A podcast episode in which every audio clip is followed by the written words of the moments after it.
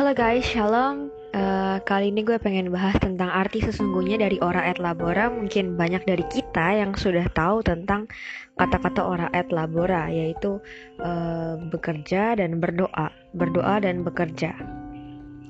Nah, sebenarnya awalnya ini uh, penggunaan kata ora et labora itu dikaitkan dengan penggunaannya uh, dalam aturan Santo Benedictus di zamannya mereka, mereka itu sering menggunakan moto ora et labora ketika sedang uh, meladang gitu ya, sedang bekerja lah melakukan pekerjaan. Tapi teman-teman yang perlu diketahui di sini adalah pekerjaan yang mereka lakukan, contohnya kayak mereka bercocok tanam di ladang, itu untuk Tuhan, teman-teman. Jadi ora et labora berdoa dan bekerja.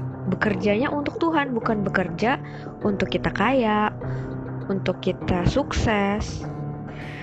Bukannya untuk memenuhi uh, pekerjaan, berusaha uh, bekerja untuk memenuhi keinginan daging kita gitu, keinginan manusiawi kita. Bahkan de, dalam kasus ini yang aku baca-baca itu, kalau mereka itu malah tetap mengutamakan rendah hati. Ora et labora itu di mana satu titik kita rendah hati. Kita mau berdoa kepada Tuhan, tetap berkomunikasi dan bekerja. Bekerja dalam artian ini kita tuh dalam posisi yang lemah, dalam posisi yang rendah hati, penuh dengan rendah hati dan kesadaran bukan untuk mengejar harta dunia, bukan untuk mengejar uang, bukan untuk mengejar karir yang bagus, bukan. Ora et labora yang perlu aku tekankan sekali lagi, jadi bekerja dan berdoa atau berdoa dan bekerja untuk Tuhan.